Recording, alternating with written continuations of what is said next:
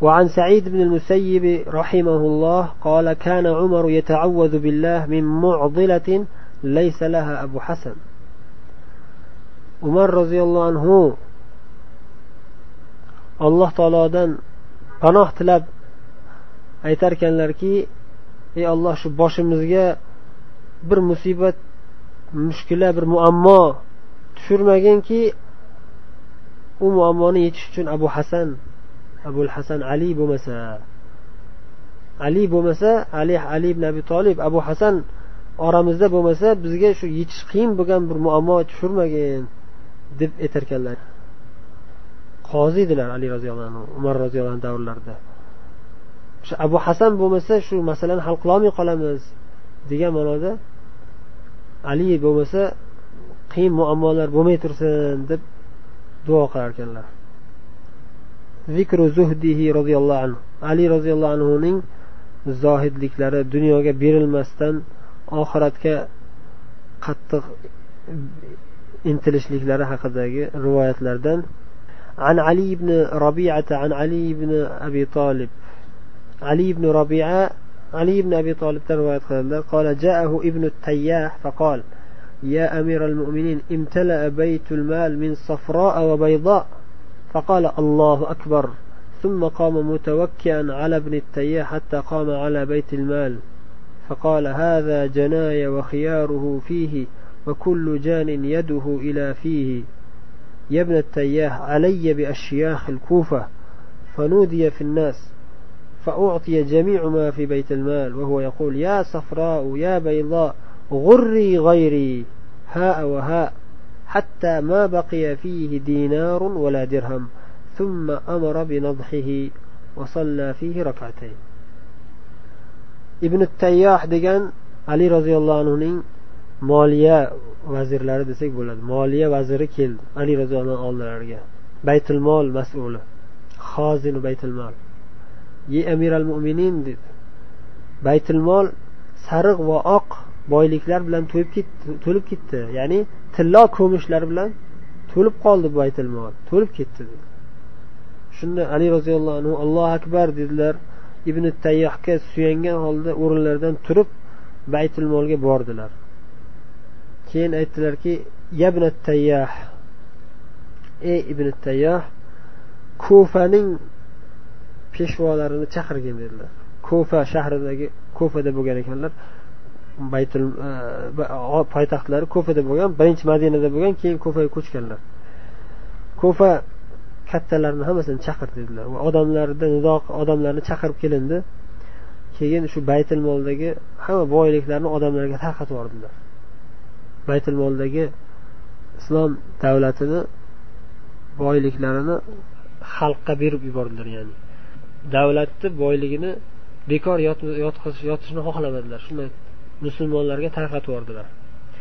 Keyin aytdilarki ey tilla ey kumushlar mendan boshqa odamni aldavergin meni aldolmaysan meni aldamagin menga fitna bo'lmagin deb mendan boshqaga bor menga kelma deb turib bir dirham ham bir dinar ham qolmadi. Baytil molda hech qanday boylik qolmadi. Keyin aytdilar tozalab tashlanglar bu yerni ya'ni tupurib tozalab turib keyin o'sha yerda ikki rakat namoz o'qidilar ya'ni omonatni ado etganliklaridaga shukrona aytib namoz o'qidilar وعن أبي صالح قال قال معاوية بن أبي سفيان لضرار بن الضمره صف لي عليا فقال أو تعفيني قال بل صفه قال أو تعفيني قال لا أعفيك أبو صالح رواية خلدر بكشين تابعين لردن معاوية بن أبي سفيان ضرار بن الضمره دجان ali roziyallohu anhuni yaqin suhbatdoshlaridan biriga aytdilar. Ali vafot qilib ketganlaridan keyin ziror ibn zomroga menga alini sifatlarini aytib bering dedilar muoviya muoviya bilasizlar ali roziyallohu anhudan keyin hasan o'g'illari hasan hasan roziyallohu anhu xalifa bo'ladilar. Faqat islom davlati o'sha payt ikkiga bo'linib qolgan edi. Bir qismi muaviya roziyallohu anhu tarafdori shom diyor va shom va misr taraflar muoviya tarafdori bo'lishgan. Iroq va hijoz va boshqa mamlakatlarda musulmonlar hammalari ali roziyallohu anhu tarafdorlar bo'lishgan. Keyin ali roziyallohu anhuni havorijlar o'ldirishgandan keyin hech kimni tavsiya etmayman deganlar. O'zimdan keyin xalifa qilib tayinlashga biron kishini vasiyat qilmayman dedilar. Lekin o'sha paytdagilar o'sha iroq ahli hasan ibn alini tanlashdi. Hasan aliga bayat berishgan. Keyin hasan roziyallohu anhu olti oycha xalifa bo'lganlar urush chiqib ketmasligi uchun fitna bo'lmasligi uchun men muoviya roziyallohu anhuga topshiraman deb muoviyaga topshirganlar xalifalikni keyin muaviya kelib iroq ahliga xutba qilib birlikka chaqirib hamma mamlakatlar keyin muoviyani xalifaliklariga bo'ysunishib amul jamoa bo'ladi. Jamoat yili deb aytiladi o'sha yili ya'ni qirqinchi hijriy yil amul jamoa bo'ladi. Hamma musulmonlar birlashishadi. Ali roziyallohu anhu vafot qilib ketganlaridan keyin so'rayaptilar. Ali roziyallohu anhuni sifatlarini menga aytib bering deb ziror ibn zomra degan kishidan so'radilar. Shunda ziror ibn zomro muoviya bilan ali roziyallohu anhu o'rtalaridagi bo'lgan kelishmovchiliklardan xabarlari bor. Shuning uchun alini maqtasam hozir xalifa jahli chiqadi degan gumonga bordilarmi? Muoviya jahli chiqib fitna bo'larmikin? deb gapirgilari kelmadi. Shuning uchun avatufini shu meni shu masalani gapirmasligimga ruxsat bering dedilar. Shu savolingizga javob bermaslikka menga ruxsat bering dedilar. Shunda yo'q menga aytgin dedilar. Alini haqiqiy sifatlarini menga xabar ber dedilar. Muoviya o'zlari ham biladilar buni. Lekin yana bir bor ta'kidlab olmoqchilar ko'rsatib boshqalar ham eshitsin degan maqsadda so'rayaptilar. U kishi yana yo'q shu savolingizga javob bermaslikka menga izn bering ruxsat bering dedilar. Ruxsat bermayman. savolimga javob berishingizni qat'iy talab qilaman deb turdilar muoviya shunda amma idan bo'lmasam endi eshiting فإنه والله كان بعيد المدى شديد القوى يقول فصلا ويحكم عدلا يتفجر العلم من جوانبه وينطق بالحكمة من نواحيه علي رضي الله عنه قسم الله ككي baidil mada uzoqni ko'radigan odamlar juda chuqur aql zakovatga ega shadidul quva kuch quvvat juda baquvvat inson edilar. Yaqulu faslan. Gap gapirsalar qat'iy gapirardilar fasl ya'ni qat'iy. Haq bilan botil orasini qat'iy ajratib tashladilar. Haq gap gapirib botilni rad qilib tashladilar. Adolat bilan hukm chiqarar edilar. Atroflaridan ilm yorilib chiqardi. Otilib chiqardi. Ya'ni atroflaridan degani bu mubolag'a uslubida gapirilyaptida. Ya'ni ichlari to'la ilm edi. Shundoq ilm otilib chiqib turardi ichlaridan. Har bir qilgan ishlari har bir aytgan gaplari ilm chuqur ilmga dalolat qilardi.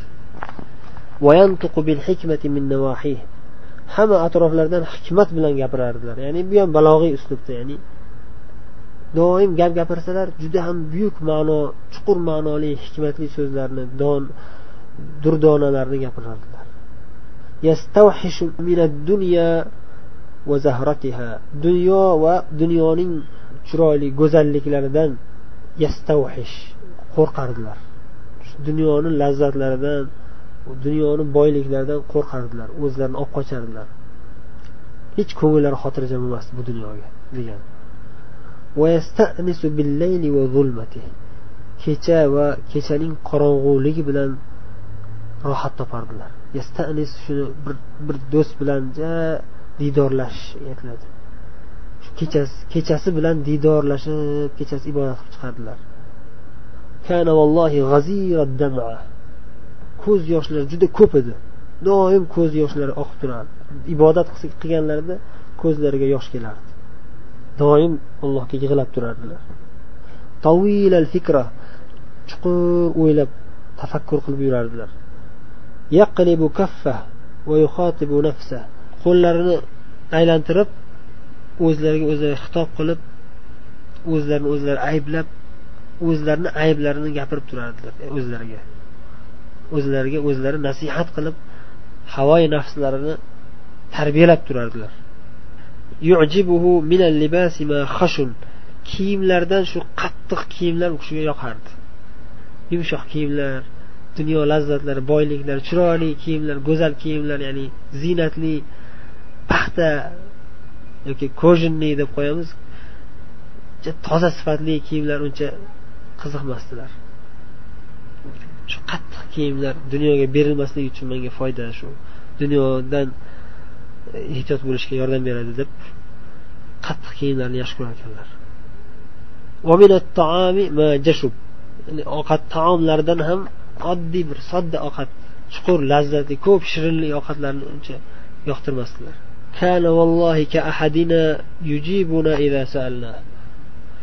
Biz bilan yurganlarida bir oddiy bir inson sifatida bo'lardilar. O'zlarini baland tutmasdilar. Hech ham o'zlarini alohida balandroq inson deb bilmasdilar. Xuddi ichimizdagi bitta bir inson sifatida bo'lardilar. Savol so'rasak javob berardilar. U kishini oldilariga kelganimizda u kishi birinchi bo'lib bizga salom berib boshlab yaxshimisiz tuzukmisiz deb hol ahvolimizni so'rardilar.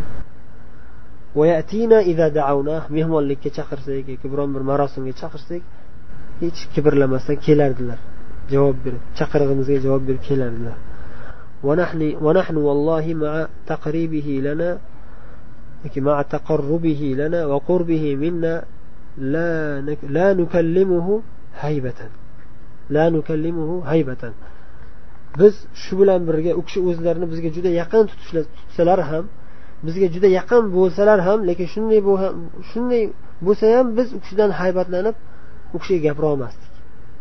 Odob saqlab haybatlanib turardik u kishini hurmatlarini bilib o'zimiz odob saqlab turardik degan ma'noda ya'ni u kishidan haybatlanib turardik.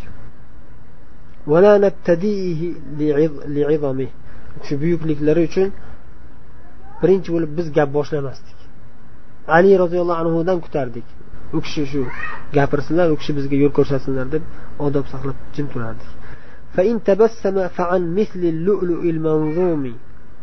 tabassum qilsalar xuddi tartiblab qo'yilgan marjonlardek bo'lardi tishlari. Shunday tishlar oppoq yaltirab turardi yani tabassum qilib chiroyli bir ko'rinishda bo'lardilar. yuazzimu ahliddin va yuhibbul masakin. Din diyonatli odamlarni hurmat qilib ulug'lardilar va القوي في kambag'allarni yaxshi ko'rardilar. La yutommiul الضعيف fi batilihi kuchli odamlarni obro' e'tiborli boy badavlatli odamlarni botil davolari amalga oshishida umuman tama qildirmasdilar. Kuchli odamlar ko'proq ya'ni odatda kuchim bilan pulim bilan hamma ishlarimni o'ylab o'zimni ishlarimni e, kuch bilan o'tkazaman deydigan xayolga boradi boradi. Lekin ali roziyallohu anhu davrlarida unday bo'lmasdi. Kuchli odamlar adolat bo'ladi. Har qancha kuchim bo'lsa ham har qancha boy bo'lsam ham alini xalifaligi hukmdorligi alimi hokim hech qachon haqiqatga qarshi ish qilolmayman deb qo'rqib turishardi. Hech qachon botil narsani tama qilishmasdi.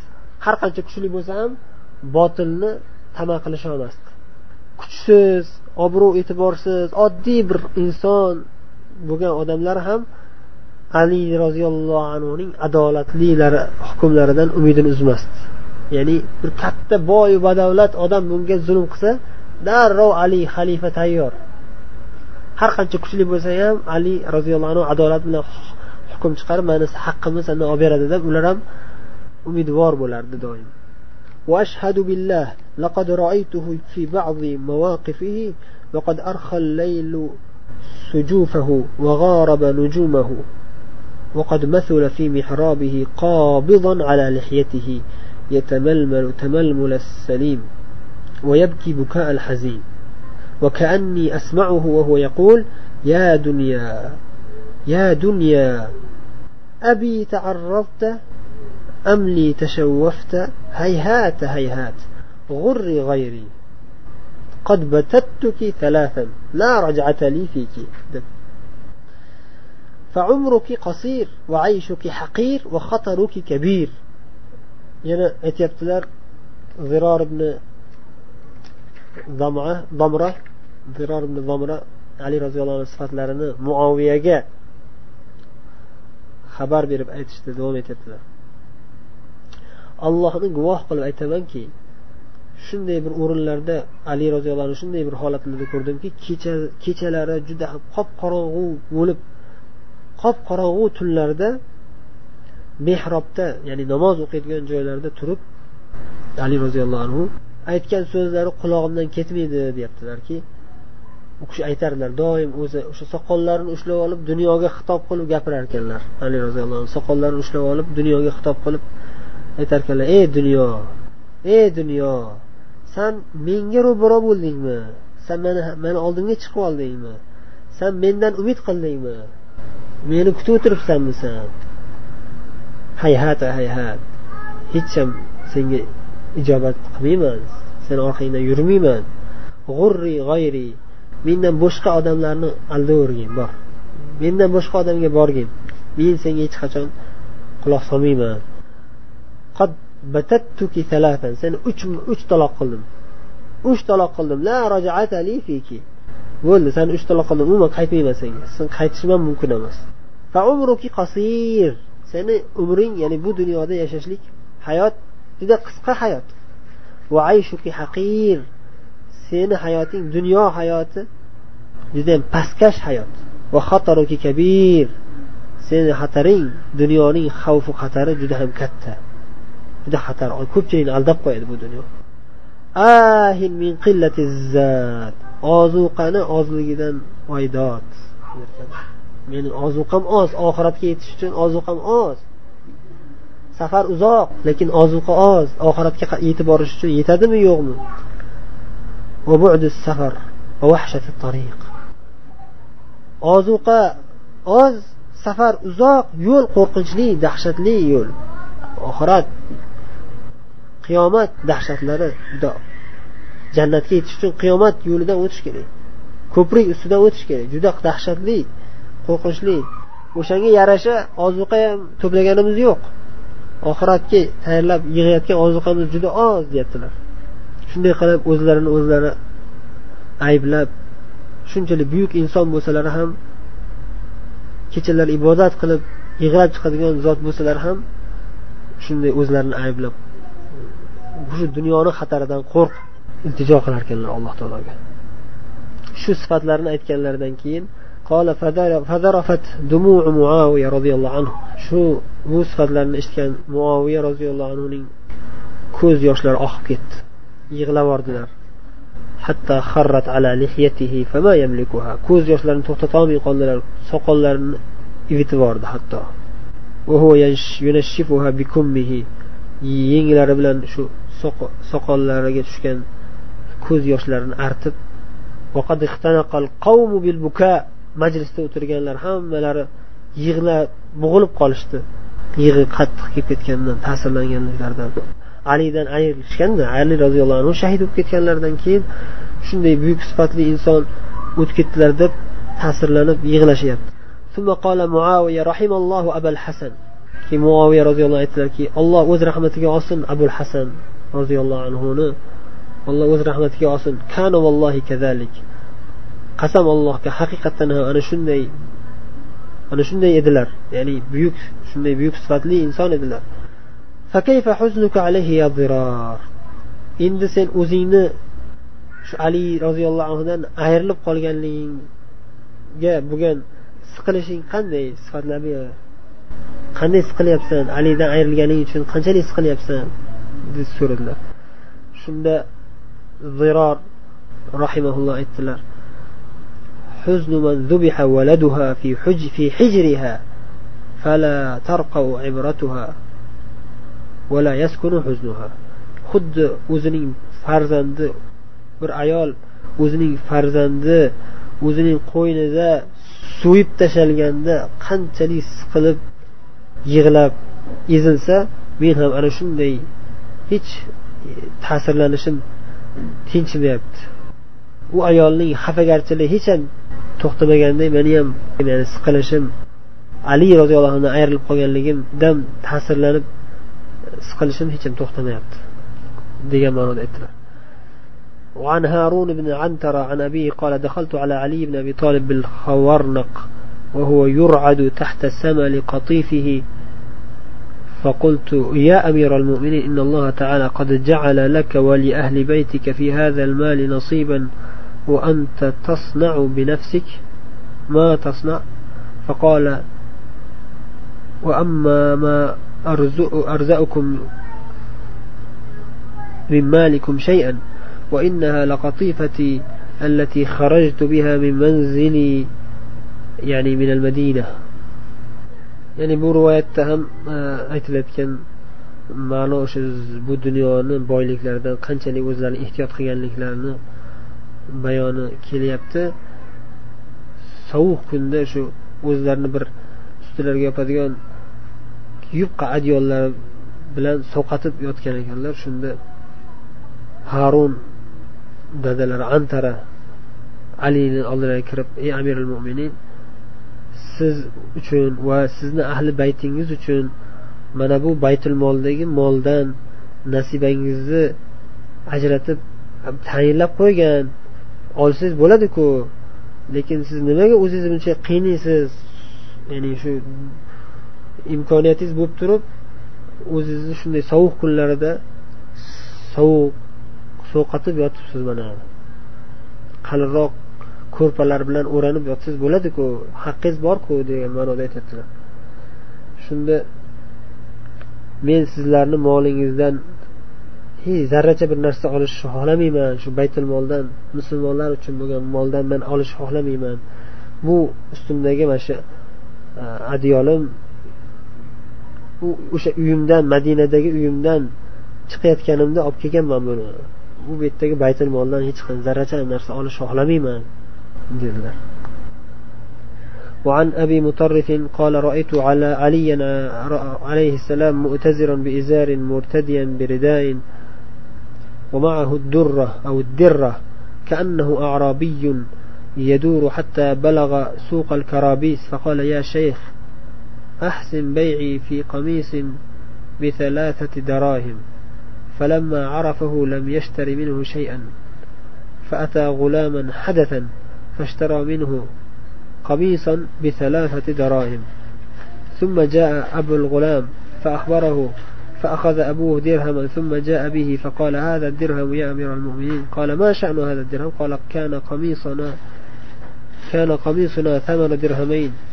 قال باعني رضاي وأخذ رضاه abu mutarrif aytadilar ali roziyallohu anhu bir kun ko'rdim bir ishtonlarini kiyib ustlariga bir cho'ponni tashlab qo'llarida bir hassani ushlab bozorda aylanib yurgan ekanlar xuddi bir badaviy arobiy odamdek bo'lib hech kim tanimaydigan suratda bozorda aylanib yuribdilar shunda bir odamga aytdilar ya shayx ahsin bayi fi qamisin bi darahim keyin menga dedilar haligi odamga ko'ynak sotayotgan ekan haligi odam.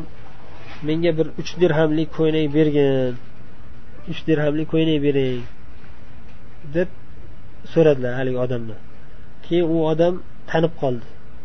Ali roziyallohu anhuni hech kim tanimaydigan suratda yurganlar o'zlarini yashirib. Shunda u odam bilib qoldi ey amiril mo'minin deb tanib qoldi. Shundan keyin lam yashtari minhu shayan. Undan olmadilar. Endi hozir man amiril mo'min bo'lganligim uchun u manga arzon qilib beradi. Olmadilar. Keyin boshqa bir odam bolani oldiga borib yosh yigit ekan endi yosh yigit xalifani tanimaydi. Shunga keldilarda bitta ko'ynak sotib oldilar o'sha yosh yigitdan. Uch dirhamga uch dirham berib sotib oldilar bir ko'ylaknida keyin keyin u odamni dadasi u bolani dadasi kelib qoldi. Endi ali roziyallohu anhu uch dirhamga ko'ylak olib ketib bo'ldilar. Ketib bo'lganlaridan keyin dadasi kelib qoldi. Dadasiga aytdi shunaqa shunaqa bo'ldi bir odam keldi shu uch dirhamga sotdim dedi. Keyin e, dadasi uch dirhamdan bir dirhamni olib bir dirhamni olib amirul mo'minin ali ibn abi tolibni orqalaridan qo'ylab bordi.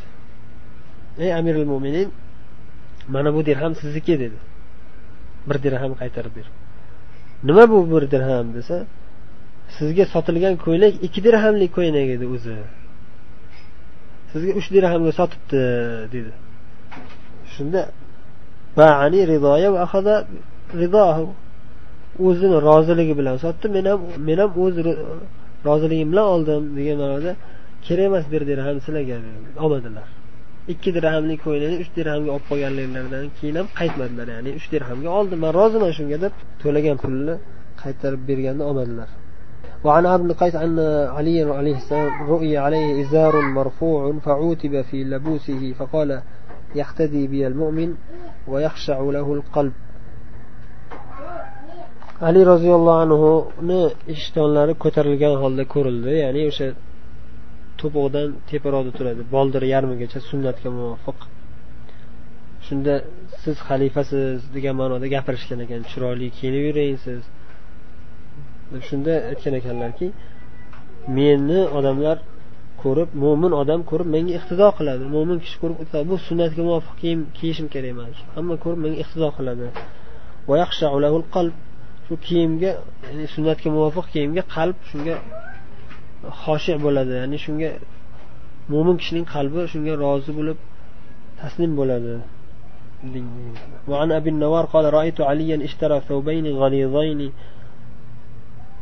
خير قنبرا أحدهما yana bir rivoyatda ali roziyallohu anhu ikkita ikkita ko'ylak sotib olgan ekanlarda ikkalasi ham qalin ko'ylak ekan ya'ni qalin og'ir sifati oddiyroq bo'lgan ko'ylak sotib turib o'zlarini xizmatchilari qambar degan xizmatchilariga ikkalasidan birini o'zing tanlab olgin degan ekan bittasi o'zlariga bittasi xizmatchilariga ya'ni xizmatchilari bilan o'zlarini barobar tutardilar وعن فضيل بن مسلم عن أبي أن عليا اشترى قميصا ثم قال اقطعه لي من ها هنا مع أطراف الأصابع وفي رواية أخرى أنه لبسه فإذا هو يفضل عن أطراف أصابعه فأمر به فأمر به فقطع ما فضل عن أطراف الأصابع بركو يعني بركو يعني سطوالتلر بركيم سطوالتلر علي رضي الله عنه شو barmoqlaridan yengisi uzunroq uzun uzun ekan shunga kesib qirqib beringlar deb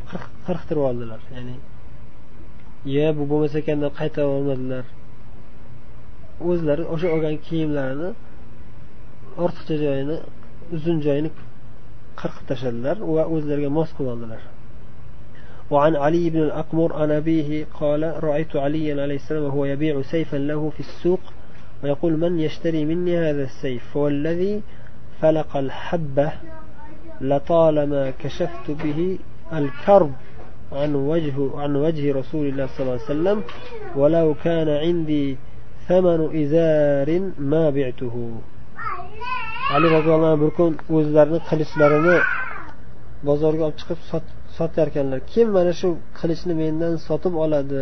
Qasam ollohgaki ya'ni falaqal habba donni yorib chiqargan o'stirgan alloh taologa qasam ichib aytamanki mana shu qilich bilan rasululloh sollallohu alayhi vasallamni yuzlaridan qiyinchilikni ketkazganman.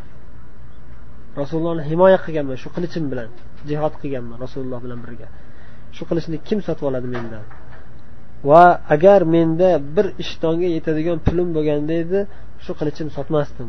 Majburlikdan sotyapman. Pulim yo'qligidan yeyish ichishga ya'ni shu zarurat bo'lgani uchun sotyapman deb sotganliklarini rivoyat qilinyapti. Endi bu yerda tahrijlari yo'q ya'ni san'atlari keltirilmagan. Ibn javziy rahimaullohni tanlagan rivoyatlari. وبقونك شبلان كفاية سبحانك اللهم وبحمدك. نشهد أن لا إله إلا أنت. نستغفرك ونتوب إليك.